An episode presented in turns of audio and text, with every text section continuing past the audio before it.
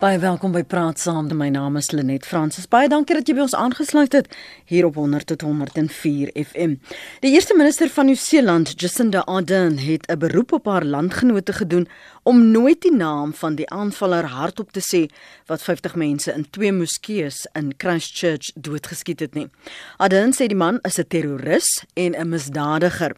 Die Australiese eerste minister sê die aanvaller is 'n regse ekstremis met Australiese burgerskap. So hoe lyk regse ekstremisme dan? Professor Andre Dievenage, politieke ontleder verbonde aan Noordwes Universiteit. Goeiemôre professor Dievenage. Môre Lenet. En ons gesels ook met dokter Jolanda Spies. Sy's 'n navorsingsgenoot by die Universiteit van Johannesburg. Goeiemôre dokter Spies. Môre Lenet, môre luisteraars. So kom ek val eers met jou weg dokter Spies. Verklaar ekstremisme. Goed. Ehm um, Lenet, Ekstremisme beteken letterlik aan die ehm um, een uiterste punt van 'n kontinuum van politieke ehm um, idees. So ekstremisme in sigself is nie noodwendig regs of links of Christen of 'n uh, moslim of of enige iets nie. Dit beteken maar net jy neem 'n uiterste radikale posisie oor iets. Nou hoe ons dit sien manifesteer die ehm um, aanval in Christchurch was 'n voorbeeld van regse ekstremisme. Nou dit maak baie mense teer mekaar as jy praat van regs en links. Mm. Die ehm um, die uitdrukking regse politiek en linkse politiek dateer terug na die Franse revolusie en uh, net voor die revolusie plaasgevind het, het die koning probeer om te onderhandel oor sy toekoms en die mense wat aan sy regterkant gesit het was sy vriende gewees. Hulle het met hom saamgesien. Die mense wat aan sy linkerkant gesit het, het het hom ehm um, teëgestaan. En dis waar die idee vandaan kom want in etiket en in protokol die regterkant is altyd jou ehm um, uitverkore kant. So die regse politiek ehm um, sedert die Franse revolusie het die idee gehad jy staan by die orde wat in die verlede gehandhaaf is en dit het nou intussen het dit nou ehm um, um, sinoniem geword met dinge soos nasionalisme en 'n uh, uh, hiërargie van verskillende groepe in die land, klasse of rasse. Dis hoekom as jy 'n regse uh, beweging in Brittanje het, sal hulle sê Britain first. Uh, in Amerika make America great again, not mm. make our region or the world great again. Mense wat dit dit was kultuur of godsdienst ehm um, voorhou as redes waarom hulle ehm um, meerderwaardig behoort te wees. En dan aan die linkerkant sien ons bewegings wat nou weer die samelewing um, sonder sy um, verdelings in ras en klas en mans vrouens en so aan beklemtoon. Hulle sal die klem laat lê op 'n sosialisme en op internasionalisme, op gelykheid van almal, op sosiale welstand. Nou regs of links in sigself is nie verkeerd of reg nie.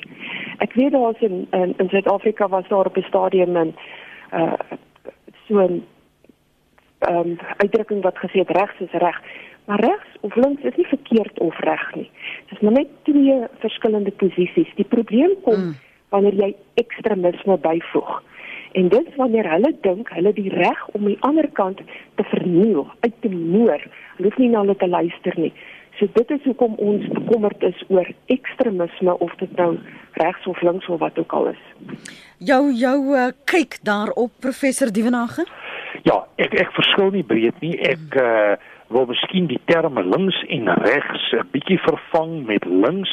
So ek praat van radikaal en dis korrek soos Jolanda sê, dit gaan oor progressief dit gaan oor die strewe na gelykheid. Op daai vlak kry jy dikwels hoë vlakke van sosiale ingenieurswese tot 'n mate dit wat ons kan sien binne die breë transformasie raamwerk en dan in die middel kry jy 'n bedeling wat ek as meer konservatief sal beskryf wat 'n verbintenis het tot die bestaande orde op 'n een of ander wyse. En dan wat Jolanda na regs toe plaas sien ek as reaksionêr wat dikwels 'n reaksie is op 'n status quo en eintlik die orde wil terugkeer na 'n bedeling wat iewers histories bestaan het wat gesien word as 'n beter bedeling. Die probleem met radikale ekstremisme is dat hier dikwels geweld in die spel kom en beide aan jou ver linkerkant en aan jou ver regterkant of kom ons sê ver radikaal ver reaksionêr kry jy groepe wat 'n verbintenis het tot geweld en wat geweld wil gebruik om 'n bepaalde staatkundige orde uh omver te werk. En dit is daar waar ek dink die ernstige probleem is. Dis ook daar waar die Nieu-Seeland geval hom uitgespeel het en ek kan maar vinnig net hier sê dat hier tans uh baie groeperinge in die wêreld is wat 'n verbintenis het tot uh, nasionalisme, tot identiteit. Ek dink ons kan dit gaan sien in plekke so Skandinawië, jy sien dit in Wes-Europa, dink byvoorbeeld aan 'n plek soos Oostenryk. Donald Trump op 'n manier word ook hiermee geassosieer. En as jy die omgewing trek na die Suid-Afrikaanse konteks en nou is ek na die meer reaksionêre kant toe, dan kan jy en ek lees hulle eintlik as meer gematige party se Vryheidsfront plus kategoriseer ek nie heeltemal daar nie party sal hom wel daar plaas maar daar is daar groepe soos Front Nasionaal die Nasionaal Konservatiewe Party hoewel nie 'n verbintenis tot geweld nie hmm. dan belangegroepe en drukgroepe soos byvoorbeeld AfriForum landbouorganisasies PLU SA, maar dan is daar 'n ander tipe kategorie wat ons in Suid-Afrika sien, verdedigings- of veiligheidsgeoriënteerde groepe. En hier is twee kategorieë. Jou virtuele groepe wat eintlik maar op die sosiale media funksioneer en 'n tipe van 'n groepie is wat mekaar praat, soos die gelofte volk, die republikeine, die boere legioen, die rigtersgroep. En dan kry jy weer groepe wat baie sterk georganiseer is. Hulle is virtueel, hulle is struktureel, maar hulle verbind hulle ook tot verdediging en opleiding. En hier sit jy met 'n groep soos die Afrikaner Weerstandsbeweging met 450 lede, die Komando Korps met 400 lede en dan die grootste een van almal is die Suidlanders met omtrent 169 1000 lede met uh, nasionale, provinsiale en streekstrukture. Van hierdie laaste groep wil ek duidelik sê, hulle het nie 'n verbintenis tot geweld nie. Hulle het 'n verbintenis tot beveiliging van hulle eie omgewing, gegee bepaalde politieke, ekonomiese en sosiale omstandighede. Ek weet byvoorbeeld dat die Suidlanders hulle self baseer op die Geneefse konvensie en dat hulle eintlik hulle self sien as 'n burgerlike verdedigingsorganisasie. Hulle net dis in 'n breë konteks die lyn wat ek sien en die toepassing daarvan binne 'n Suid-Afrikaanse konteks, maar die moment as jy met terme werk, dan word dit omstrede veral as jy met 'n links-regs tipe definisie begin te werk. Wanneer en hoe ek gaan nou vir jou kans gee Jolanda om te reageer. Wanneer en hoe weet jy jy sê nou hulle die die groepe wat jy nou uit uitgewys het, um, nie verbind tot geweld nie, maar in hierdie laaste paar gevalle verdedigingsgroepe. Hoe weet jy dat daar 'n gevaartekens is dat daardie ideologie kan oorhel na geweld toe wat die tipping point wat hy letterlik oorskakel? Wel, ek dink uiteindelik uh, kan jy maar 'n organisasie beoordeel in terme van sy beleid, sy ideologie en sy standpunte enerzijds hmm. en anderzijds sy optrede. Nou ek is nie bewus op die oomblik van enige van die bekende groepe wat hulle gewend het tot 'n vorm van kom ons noem dit regse terrorisme of iets in die lyn wat uitgespeel het soos byvoorbeeld nou in Nieu-Seeland nie. So in daai sin dink ek nie hulle val in daai kategorie nie. Wat ek wel sien is beveiliging van hulle eie omgewing. En daar is 'n rasionaal daarvoor. As jy in 'n omgewing sit waar die staat nie meer jou veiligheid kan waarborg nie waar jy op jouself aangewese is dan is dit normaal vir mense en groeperinge om hulle self te beveilig en te beskerm. Dit is op die oomblik waar ek die organisasies lees. Hmm. Dit wil nie sê in 'n veranderende omgewing kan hulle hulle nie anders posisioneer nie, hmm. maar op die oomblik het ek nie tekens self al gesien. Das die waarborge eh, Dr. Jolanda Spies, as jy uh, die die enkeling kry wat um se kop die dag net uithak en hulle vat 'n wapen en hulle gaan na 'n moskee of na 'n kerk en maai net mense af en is verbind of was 'n lid van enige of ander groep wat hulle self as of 'n verdedigingsgroep of as 'n 'n groep met belange vir kulturele vryheid of suiwerheid van ras of wat ook al gepropageer het. Hoe maak jy seker dat jy in die beeld wat jy nog die hele tyd probeer hou het of wat die ideologie wat jy gepredik het, dat dit nie gereuneer word deur een lone gunman nie om aan te haal? Dit is dit is natuurlik bitter moeilik om jouself te um insuleer teen individue wie se koppe uitdak. En ons almal uh, maak nie saak met watter groepe jy identifiseer nie. Skaam ons baie keer vir mense wat deel is van ons sogenaamde groep of dit nou jou taal of ras of geloof of of land of wat ook al is wat iets doen wat die wêreld skok of of seermaak. En natuurlik as iemand geweld pleeg dan dan sit nog erger. So in terme van vrywaring dink ek dis onmoontlik om teen die individue te beskerm. Maar daar is wel ehm um, sekere ehm um, uh, ander meganismes en en 'n groot deel hiervan is die ehm um, die taal wat ons gebruik in ons gesprekke oor die wêreld ehm um, oor oor ons en ander. Daardie ehm um, temas van ons en hulle moet baie versigtig hanteer word want dit is dit was die begin van haatspraak. Ehm um, dit is moeilik in 'n land soos Suid-Afrika baie minderhede juis voel asof hulle misken word om om te verduidelik hoe die andersom situasie werk waar mense in ander lande ehm um, juis voel ehm um, hulle meerderheid ehm um, uh, is gegrond op 'n minderheid ehm um, identiteit as ek ja. dit so kan noem. Ja. In in Nieu-Seeland byvoorbeeld die idee dat hierdie man teen moslems veg namens Christen, dit is absolute nonsens. Die man is nie 'n Christen nie. Uh, mense wat haatspraak verkondig sal nooit werklike Christelike taal gebruik nie. Hulle hulle, hulle sal nie Jesus Christus aanhaal nie. Hulle gaan altyd ehm um, dinge uit die Ou Testament ophaal. En maar daai is dieselfde presies dieselfde argumente wat gebruik word sê maar deur ehm um, moslems of Jode of wat ook al. Wat ons as Christene anders maak is die feit dat ons ons geloof op die Nuwe Testament baseer. So in in ons gesprekke as ons godsdiens enigstens deel maak van ons groepsidentiteit, moet ons baie versigtig wees dat die taal wat ons praat nie dieselfde is as wat gepraat word deur die groepe juist die groepe wat ons teestaan nie. Mm -hmm. Ons praat vanoggend en praat saam oor regse ekstremisme of dan nou ekstremisme. Jy kan saamgesels, jy's baie welkom om te reageer op die gedagtes wat op die tafel geplaas is deur ons gaste vanoggend professor Andre Duvenage en dokter Jolanda Spies en ek is seker dat jy nie eers so wyd gedink het is toe die uh, professor Duvenage uh, groepe virtuele groepe wat mense nie eers aan dink nie en hoe agendas en ehm um, ideologie daar gepredik word dit geklassifiseer het as deel van wat as radikaal of dan ekstremisme gesien kan word nie. Kom ons gaan direk na die lyne toe. Dankie dat jy vir my aangehou het. Kon ek sien op jy se plein 4 môre? Môre net jou gaste. Ek wil graag by hulle hoor uh die kort navorsingkie wat ek gedoen het oor links en regs regse ekstremiste.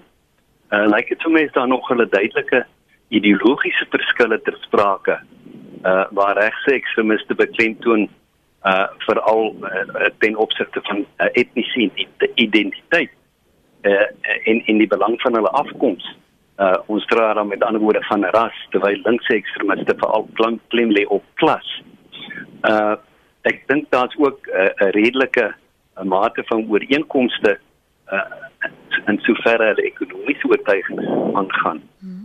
Ek het 'n vraag en dit gaan binne 'n Suid-Afrikaanse konteks. As ons kyk na uh, wit ekstremiste, kom ons praat van regs, regse wit ekstremiste. Sal daar onder hulle nog die idee 'n uh, uh, posvat dat die groot van die ANC die idees oor die oor die demokrasie hoofsaaklik deur 'n Afrika kultuur en kommunisme gevoed is en inderwaarheid so teen die huidige grondwet en die uh, teen die grondwet en die demokratiese stelsel is. Uh hoe, hoe sou hulle daardie balans handhaaf vandag uh, met die ANC? Baie dankie. Goed. Mooi dag. Hmm, dankie. Professor Divenage. Ja, ek eh, ek wil met die onderskeiding uh, van die inbeller saamstem. As dit kom op 'n ideologiese vlak, jou meer konservatiewe groeperinge verbind hulle tot nasionalisme, identiteit, geskiedenis, tradisie en dan na die ander kant toe is dit meer 'n kwessie van klasgelykheid, forme van sosiale ingenieurswese om gelykheid te bewerkstellig en so meer. Inderdaad, sit ons met 'n grondwet in Suid-Afrika wat bepaalde reëls stel en wat mense op verskillende wyse interpreteer. En as jy kyk na partye soos byvoorbeeld die ANC en as jy verder beweeg in die radikale lyn in en jy kyk na die radikale sosialiste van die NUMSAS en selfs jou swartmag denke wat ek ook lees as hier ver in die radikale lyn dan het hulle 'n totaal ander tipe beklemtoning. En dit is 'n tipe beklemtoning waarmee wit identiteit in die breë 'n probleem sal hê. En 'n mens kan byvoorbeeld net kyk na 'n groep soos Black First, Land First wat weier om enige uh, wit of blanke mense in hulle strukture te akkommodeer. As ons verder die lyn sou trek en ons sien dat ons politiek deesdae geweldig sterk op basis van ras georganiseer is. Ek dink ons het op die oomblik uitgebreide rastoepassings in die Suid-Afrikaanse politiek, dan is dit so dat 'n groepering soos die wit groepering en ek tel dit ook op by die bruin groeperings en by die indiër groeperings en by sekere swart groeperings voel dat hulle uitgesluit word van bepaalde prosesse en dit gee aanleiding tot uh, die feit dat hulle 'n identiteit beklemtoon en dan kry jy forme van identiteitspolitiek. Soos byvoorbeeld in die Kaap het ons die gatvolk Caetonians mm -hmm. in jou wit omgewing sal jy noodwendig ook bepaalde reaksie kry in hierdie verband. Ons sien dit by partye, ons sien dit by belangegroepe. Ek dink AfriForum is 'n voorbeeld in hierdie verband. Om hulle egter te verbind tot groepe wat gewelddadig die grondwet omver wil werk. Dit is nie die geval nie. Meestal is hulle binneparlementêr of buiteparlementêr besig om die belang van 'n bepaalde groep of identiteit op wyse te bevorder. Dr. Spies? Ehm um, ja, ek ek sal eerder oor die buiteland ehm um, kom daar liewer ja. my kennis van die binnelandse groepe is nie so goed nie. Mm -hmm. Ehm um, dit is definitief so dat ehm um, kwessies soos ras en kultuur word dikwels rondgeswaai in hierdie debatte en die die regse groeperinge is is meer ehm um, geneig om dit te doen, maar dit is nie net regses wat dit doen nie. Dit dit gebeur ook in linkse groeperinge waar klas nou weer baie keer juis gebruik word om te sê ehm um, ons moet almal ehm um, een gelyke klas wees, maar dan diskrimineer hulle letterlik teen 'n spesifieke groep om te sê ons gaan julle dwing om in dieselfde klas in te pas. Dit is byvoorbeeld affirmative action beleid. In lande soos België word ehm um, kultuur baie gebruik op wanneer dit verkeerd gebruik word en en let wel dit word nie noodwendig verkeerd gebruik maar wanneer dit verkeerd gebruik word word dit gebruik om spesifiek rasiste byvoorbeeld te beskerm. Ek gebruik byvoorbeeld die voorbeeld van baie Vlaamse groepe wat ehm um, sal agiteer vir vir Vlaamse identiteit, maar wat hulle eintlik eintlik nie sê nie is hulle hou nie van die idee dat daar baie ehm um, Afrika immigrante is wat Frans praat um, en hulle self in België uh, vestig nie. So hulle sal klem lê op hulle Vlaamsheid, maar eintlik eintlik is daar party van hulle wat sê hoor jy eintlik wil ons wil ons wit wees um, hierso in België. Aan beide kante van die spektrum en die spektrum is is eintlik glad nie um, lineêr nie. Hy loop in sirkels en dit is al baie moeilik om te sê ehm um, waar mense links of regs is of of waar reaksionêr en radikaal baie keer aan mekaar raak vryheid van spraak ehm um, is is een van die eerste ehm um, ehm um, slagoffers wanneer jy ekstremisties raak. En en dit is hoekom ehm um, ons baie bekommerd moet wees oor wat op sosiale media aangaan. Ja. Ehm um, in hierdie ehm um, skietery in Nieu-Seeland het die man wat ehm um, die premier is uh, nie sy naam van wil noem nie. Ek gaan ook nie sy naam noem nie want ek is mal oor haar benadering om hom nie verder publisiteit te gee nie. Daai uh, terroris het sy eie terrorisme, die skietery, het hy lewendig opgeneem en dit op Facebook uitgesaai. En daar was hulle hulle uh, skat omtrent 200 mense het gesit en kyk na daardie video, die hele video sonder om iemand in kennis te stel, sonder om beswaar te maak. En selfs toe dit afgehaal is, is dit reeds uh, versprei na duisende ander um, punte toe uh, platforms en en dit is bitter moeilik nou om dit reg uit te wis daardie daardie beelde Spoor, van mense ja. wat afgemaai word. Hmm sosiale media is 'n is 'n groot seën, maar dit is ook 'n groot ewel. Ehm um, dit is dis belangrik omdat dit onmiddellik 'n geweldige wye ehm um, gehoor kan bereik. En daarom is die boodskappe baie ehm um, kragtig. En en dit het 'n instrument geword van ehm um, radikale groepe, radikale en reaksionêre groepe. Maar ons moet dit ook gebruik om hulle te beveg. En en dit dit in sigself is problematies want as jy besluit wat mense mag sê of nie mag sê nie dan dan kap mense terug en sê van julle is besig om ons vryheid van spraak in te perk. My man herinner my altyd daaraan dat menseregte gepaard moet gaan met mense verpligtinge. Ehm um, vryheid van spraak is jou reg, maar jou verpligting is om jou samelewing te respekteer en ander mense se waardigheid en ook hulle reg om te lewe en te mag aanbid. Want dis die regte wat ons vir onsself opeis. Kan ek vir 'n oomblik stil staan by sosiale media want ek het net gister weer um 'n 'n skrywe gelees wat verwys na Donald Trump byvoorbeeld en die invloed wat hy het veral die uitsprake wat hy maak op op sy Twitter um profiel en dat hy meer daar sit en tweet ek dink ek weet nie hoeveel was dit 25 tweets op Sondag toe ehm um, die naweek toe die, die insident in um, Nieu-Seeland gebeur het en daar geen woord was oor byvoorbeeld wat uh, besig is om uit te speel nie. Daar was geen meegevoel nie. Dit was net 'n agenda wat hy gedryf het en daar word dikwels verwys na hom en die aanhangers van Donald Trump weet hopelik hopelik dit ook al nou al gesien dat dit vir hom na hom verwys as hierdie sogenaamde dan gaan dit nou in aanhalingstekens plaas uh, Dr. Spies as die white supremacist as iemand wat hierdie uh, poster boy vir ideologie regse ideologie en, en denkwyse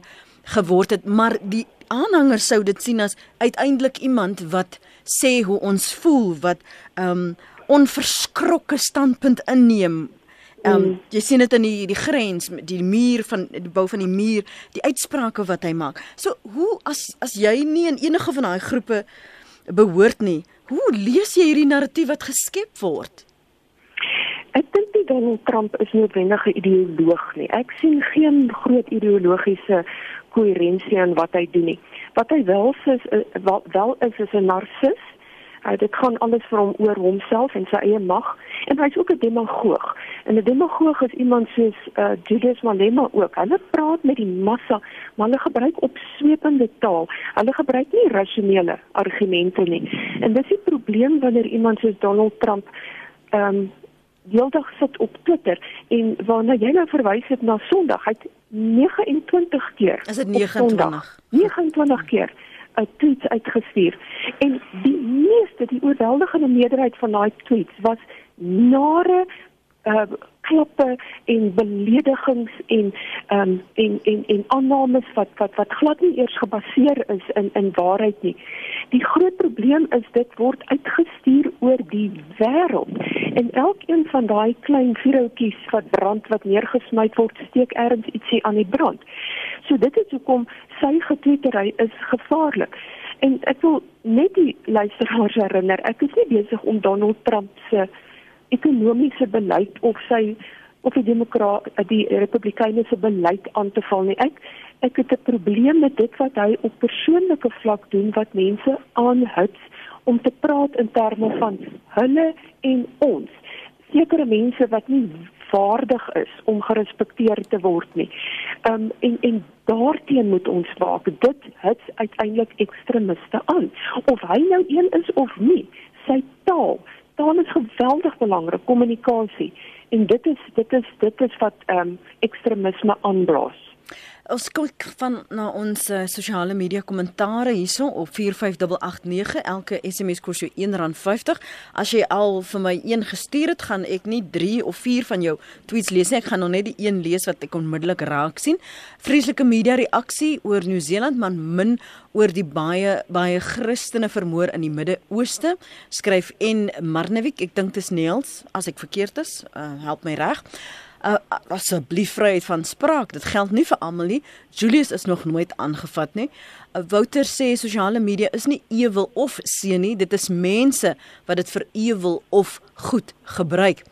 Uh, die verkondig die EFF nie juis dikwels regse ekstremisme nie. Hulle retoriek stem dan soveel met Hitler se retoriek in die 40er jare saam.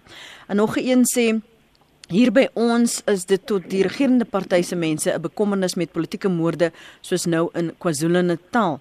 Uh, skryf daardie luisteraar, uh, wanneer iemand moslems teken word na so 'n persoon verwys as 'n terroris, maar wanneer die situasie omgekeer word, word uh, hier sny hy nou af wat word die persoon dan genoem? Hy sny af. Kom ons maak hom net kleiner asseblief. Uh, Jody, dis 'n SMS van Petrus Johannes. As jy nou eers by ons aangesluit het, dis 25 minute voor 9. Ons praat vanoggend met Dr. Jolanda Spies en professor Andre Duvenage. En ons probeer ons kop en gedagtes en kennis bietjie verbreek en verstaan wat beteken ekstremisme as dit so links en regs vergewe dit, um aangehaal word. Professor Dievenaghen, kom ons keer terug na van die punte wat die luisteraars hier op sosiale media maak. Tot, tot watter mate speel geld um invloedsfeer, klas sakebelange selfs? Hoe hoe beïnvloed dit jou jou rykwyte?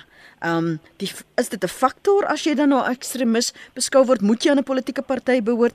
K kan jy ekstremis wees in 'n maatskappy, in 'n burgerregte organisasie, jy het net nou 'n paar genoem, ehm um, deel van 'n sosiale klik? Net ek dink jy kan 'n ekstremistiese posisie inneem in bykans enige omgewing, binne enige sosiale struktuur. Uh mhm. -huh. Dit word maar net baie sigbaar in 'n politieke omgewing omdat dit in die kollig staan, omdat dit dikwels getalle uh, beteken en so aan. So ek dink ekstremisme op 'n manier is 'n tipe van 'n lewensuitkyk, 'n manier om dinge te benader en uit te voer. So my kyk daarop is redelik breed. Maar as ons nader kan trek na die politieke omgewing, wil ek so 'n paar net breë lyne trek en ek loop dieselfde lyn as Jolanda as dit 'n bietjie van 'n ander invalshoek. Ja. Ons staan in tye van groot verandering. In die oomblik as jy met verandering werk, dan kry jy onsekerheid. As mense onseker is, dan begin hulle identiteit te definieer. En as jy identiteit definieer, dan doen jy dit dikwels teenoor iets anders. In ander woorde, jy identifiseer en jy skep 'n vyand ten einde jou identiteit en die belang van daardie identiteit op maniere te bevorder. En dit is presies wat ons op die oomblik breedweg in die wêreldpolitiek sien, waar daar groot veranderinge, groot magsverskuiwings, groot onsekerhede is. En wat Trump doen, is maar 'n tipiese politieke spel. Hy hy dink op sekere lyne, hy mobiliseer sekere steun, hy identifiseer bepaalde vyande en hy volg bepaalde handelinge. Dit is min of meer waar ek hom plaas en hom lees. Ek stem met Jolanda saam dat hy waarskynlik heelwat meer van 'n pragmatiese benadering het as 'n baie streng, nou gesette ideologiese lyn, maar dis 'n geweldige dominante persoonlikheid en dominante denke wat standpunte in sekere rigtings stuur en nie noodwendig altyd konsekwent is aan 'n bepaalde ideologiese raamwerk nie. Ander punt wat eh, wat in die eh, in die skrywers opgekom het wat jy gelees het, is die vraag van Adolf Hitler. Adolf Hitler was 'n nasionaal sosialis, hierso op 'n manier as 'n fasis kon beskryf. Sy posisie word dikwels as regs gesien, maar dit is daar waar regs en links of radikaal en reaksionêr eintlik bymekaar kom want baie van sy standpunte en denke en optredes het nie fundamenteel verskil van iemand soos Josef Stalin nie. Daar was groot ooreenkomste in hulle benadering. So dit is 'n grys gebied en Jolanda was reg as sy sê dis eintlik gevaarlik om die goed op 'n spektrum te probeer aandui. Mens moet eerder die goed in terme van 'n samehang lees waar daar dikwels baie groot raakpunte en ooreenkomste is tussen reaksionêre politieke denke enerzijds en radikale denke anderzijds. Die punt oor die EFF is 'n interessante een. Die EFF kan op 'n manier as reaksionêr gesien word want hulle identifiseer swart mag en swart belange en 'n swart kultuur en 'n swart identiteit met 'n baie radikale politieke kyk daarop. So jy sou net so maklik hulle reaksionêr as radikaal kon sien, maar in die huidige groter politieke konteks waar veral wit en swart uh kante van 'n spektrum verteenwoordig in Suid-Afrika. En ons kan gaan kyk na die verkiesingsuitslae. Baie breedweg het ons verkiesings oor die jare heen ras en kultuur sensusse gereflekteer. Is swart as radikaal en wit as reaksionêr gesien en ek dink dis miskien die meer dominante kriterium op die oomblik in terme van klassifikasie. Hmm. Dit is waar daar word nie teen Malema opgetree in terme van sy radikale standpunte nie, so ook die BLF en ek moet sê ek is bekommerd omdat hulle nie met 'n bepaalde stuk verantwoordelikheid soos Jolanda sê optree in die verband nie. Jolanda, wil jy iets byvoeg vir ons na Mike gaan? Ja, ehm um, Andre het baie goeie punte gemaak. Ehm um, ek wil net 'n ehm um, ietsie anders heeltemal anders byvoeg en dit is dat ons nie moet onderskat hierdie demagoge, hierdie uh, populistiese leiers uh, wat ons nou sien as ekstreem of radikaal. Ons moenie onderskat tot die die ehm um, die feit dat hulle baie keer dinge doen suiwer om persoonlike redes nie. Ek wil gou die voorbeeld noem van Hongarye. Ehm um, Hongarye se eerste minister Orban is is uh, bekend vir sy um, ekstremistiese um, standpunte en hy um, hy hy word gesien as regs en hy het laas jaar 'n um, universiteit uit die gegooi. As jy jou dit kan indink, dis die Sentraal-Europese Universiteit en hy het net die uh, besluit hierdie universiteit word toegemaak en dis 'n universiteit wat groot aansien internasionaal het um, vir sy um, vir sy uitsette en vir die kwaliteit van sy opvoeding en so aan. Nou baie mense sou uh, wat wat nou daai um, omgewing ken sou gesê het ja maar dit is 'n um, agent van die inter, van die internasionale Illuminati allerhande um, konspirasie teorieë en so aan. Maar die realiteit is dat hierdie eerste minister Orban haat vir George Soros wat ook 'n Hongaar is, hy's 'n Hongaarse Amerikaner wat hierdie sentrale Europese Unie ehm um, sentrale Europese universiteit begin het. So wat hier nou gebeur is hy dis in Engels sê hy settling a score En dieselfde byvoorbeeld met Donald Trump wat ehm uh, beklei teen die ehm uh, bezels van van Amazon en so aan. Daar was persoonlike fetes by betrokke, maar onmiddellik as so iets gebeur dan in die in die in die groter publiek begin ons te spekuleer oor allerlei diep liggende redes en en ons wil dit vreeslik dramaties uitbrei en partykeer gaan dit net bloot om individuele mag. Hmm. Uh, Mike, dankie dat jy vir my aangehou het. Daarna gaan ons met Sissel gesels. Môre Mike. Môre Lenet en jou gaste. Weet jy ek ek dink oor die ding heel anders. Mm -hmm. Kyk. So kom by jare terug was 'n bomaanval in Bali. En die meeste mense wat daar dood is is Australiërs. Hoe weet ons hier van die ouetjies se se die tongse mense is nie dood daar nie dat hy daai dag besluit het kyk ek sal weer raak neem op een of ander manier. Weet dis 'n ander eh, manier om na dit te kyk. Ek weet nie wat sê jou gaste nie. Ek luister by die radio. Goed Mike. En dan Sissel môre. Goeiemôre Lenet en jou gaste. Uh Lenet ek het baie min om by te voeg uh, wat die ander mense al gesê het, maar een baie belangrike punt. Die wyse waarop regerings uh sekere wette toepas uh as myn aansiens ook uh, kan kan 'n rol speel uh in die denke van mense. Kom kom ons vat byvoorbeeld ek wil weet vinnig net teruggaan na die BLF kwessie. Mhm. Mm Artikel 16 van die van van van van die uh, uh, kieswet is baie duidelik. En dan lees jy daarmee saam artikel 1 van die grondwet ons het daar is vier wat hulle noem core values. Een daarvan is nie uh, om 'n nuwe rassige uh, optrede nee. Nou my vraag is as daar nie as daardie uh, uh, uh, wette nie toegepas word nie, korrek toegepas word nie, watter invloed het dit op die denke van mense en groepe? Baie dankie. Baie dankie Sissel. Ons gaan gou asem skep. Dis 'n uh, byna kwart voor 9 en wanneer ons terugkom, gee ons ons gaste geleentheid om daardie gedagtes van uh, ons twee inbellers Mike en Sissel daarop te reageer. Jy's baie welkom om ook saam te gesels. Ons praat oor ekstremisme vanmôre 0891104553 of stuur dan vir ons 'n SMS na ons SMS lyn. Dis 45889. Ons is nou nou terug.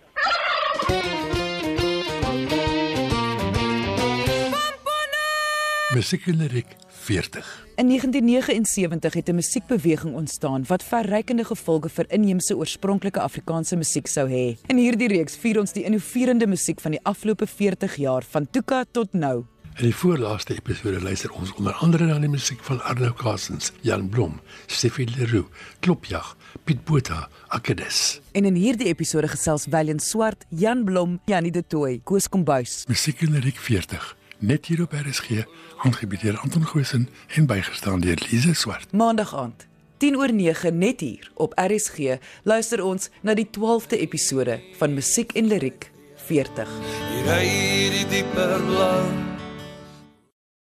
Met 'n totale geraamde boerpot van meer as 43 miljoen rand die Woensdag, kan jy môre vandag al verander. Koop jou Lotto, Lotto Plus 1 en Lotto Plus 2 kaartjies nou by alle deelnemende winkels op die National Lottery webtuiste of op die nuwe National Lottery foon toepassing. Panda Push and Play spelers moet 18 jaar en ouer wees. Speel verantwoordelik. Kort jy 'n banktoepassing wat jou vooruitneem? Betaal iemand in 'n kits, koop ligtyd of elektrisiteit of kry gestempelde bankstate. Enige tyd, enige plek. Laai die Standard Bank toepassing af en jy's good to go. BSNVS geld. Standard Bank is 'n gemagtigde finansiële dienste en geregistreerde kredietverskaffer. Standard Bank, voluit vorentoe. Jy luister na Praat Saam, weekoggende 8 tot 9. Baie welkom terug by Praat Saam.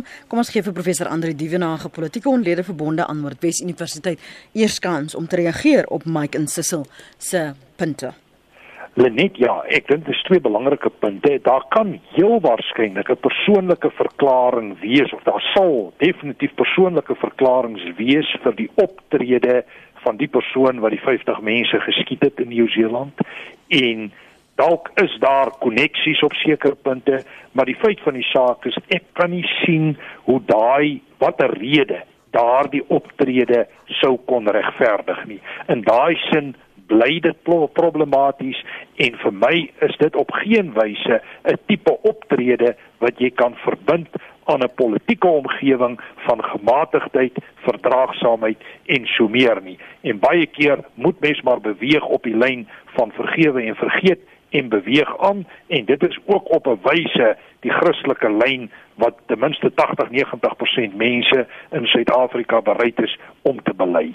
Die tweede argument is 'n meer komplekse en ingewikkelde een en ek stem met die inbeller saam dat ons sit met wetgewings in Suid-Afrika wat diskriminerend is teen mense.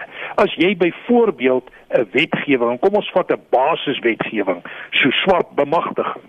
By implikasie sluit jy wit en dalk ook bruin en ander uit van daardie proses. Dit is dus 'n vorm van diskriminasie en mense kan dit beleef as 'n vorm van strukturele geweld. My kyk op daai situasie is dat jy eerder individue moet oorweeg op meriete, verdienste en waar jy moet bemagtig, moet jy met bepaalde ontwikkelingsprojekte kom. En ek dink wat ons reeds in Suid-Afrika sien en ons praat hier oor regse ekstremisme as 'n as 'n fenomeen is onder meer 'n reaksie op bepaalde wette en die toepassing van wette in Suid-Afrika wat mense en groepe uitsluit. En daar kan groter reaksie en weerstand in die toekoms verwag word. So ek stem met die tweede persoon saam. Ek dink wat belangrik is en ons het hoop daarvoor dat die regering van meneer Ramaphosa die goed sagter en meer gematig gaan toepas dat Merite as 'n maatstaf gebruik gaan word by aanstellings en dat ons die tipe van Eskom scenario's ook op hierdie manier kan help bestry. Maar dit is 'n groot probleem en 'n groot uitdaging en ongetwyfeld vervreem dit mense in Suid-Afrika en daaroor is ek bekommerd. Ek wil optel by wat Andre na verwys uh Dr. Spies van hierdie koneksies en jy het vroeër vanoggend gesê ons moet versigtig wees en let op die taal wat ons praat. Ehm um, jy het verwys na dit kan maklik haat uh, spraak aanwakker, die verwysing van ons na hulle. Um, ek het oor die naweek gelees uh, so die beginstadium van navorsingsstuk wat Nagama Brody doen uh, om die begrip van white genocide te ontleed en waar dit eerste kop uitgesteek het. En sy trek op die oomblik 'n verbintenis tussen uh, wat in Suid-Afrika begin is na internasionale groepe en hoe dit aangewend word die begrip hierdie konsep.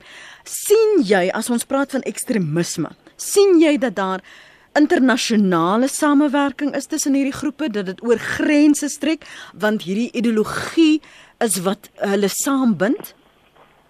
Daar is seker internasionale samewerking want hulle sal vir mekaar ehm um, intelligensie ehm um, en dit is nou 'n spesialis informasie ehm um, oordra en ehm um, en natuurlik gaan hulle mekaar aanhit.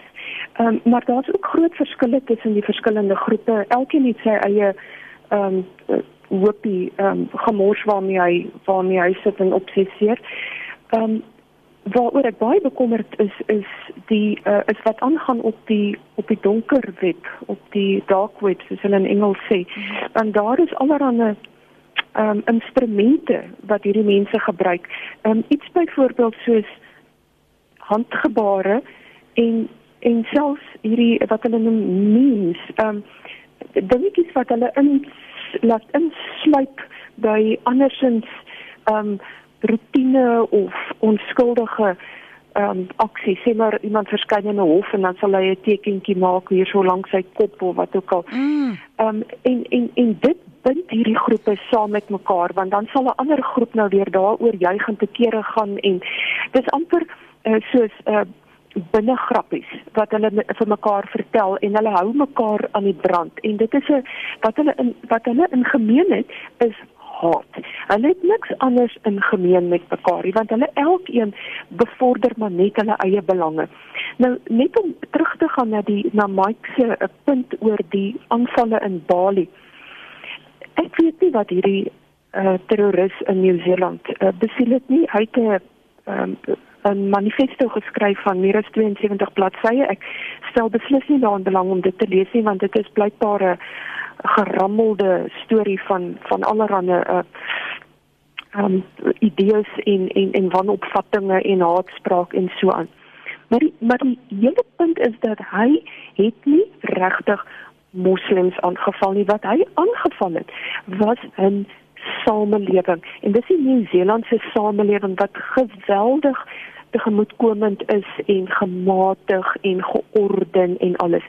So net soos wat die terroriste wat die mense aangeval het in Bali, het nie Christene geteken of Australiërs nie. Hulle het Bali geteken want Bali is ook 'n geweldige gematigde ehm um, tegemoetkomende vriendelike eiland. Bali is een van die min dele van Indonesië wat juis nie moslim is nie. Maar ironies genoeg oral oor die wêreld die grootste ehm um, slagoffers van islamitiese ekstremisme is juis moslems. Ek is natuurlik is ek woedend oor Christene wat deur moslems geteken word, maar ek voel jammer vir die miljoene moslems wat onder hulle ly. So ekstremiste is ons almal se vyand. Hulle is nie 'n spesifieke geloofse vyand of of klasse vyand nie. Hulle wil 'n samelewing wat verdraagsaam is vernietig. En dit is hoekom ons die verdraagsame groepe in ons samelewing juis moet sterker maak. Ek juig wanneer ek sien swart kommentators byvoorbeeld in Suid-Afrika agiteer vir 'n meritokrasie waar meriete mense se opgang in die lewe gaan bepaal eerder as ras.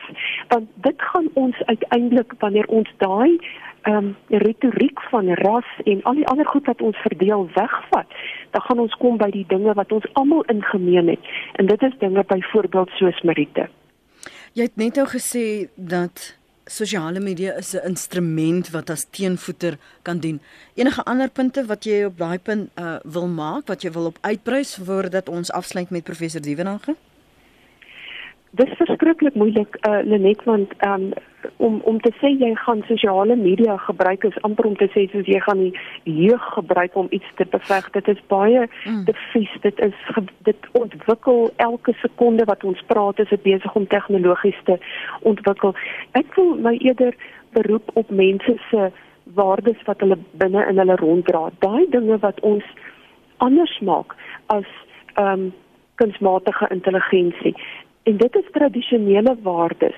En as as as ons ehm um, luisteraars wat ek aanneem mees al Christene is, wil ek hulle ook aanmoedig om regtig terug in binne toe te kyk na hulle Christelike waardes.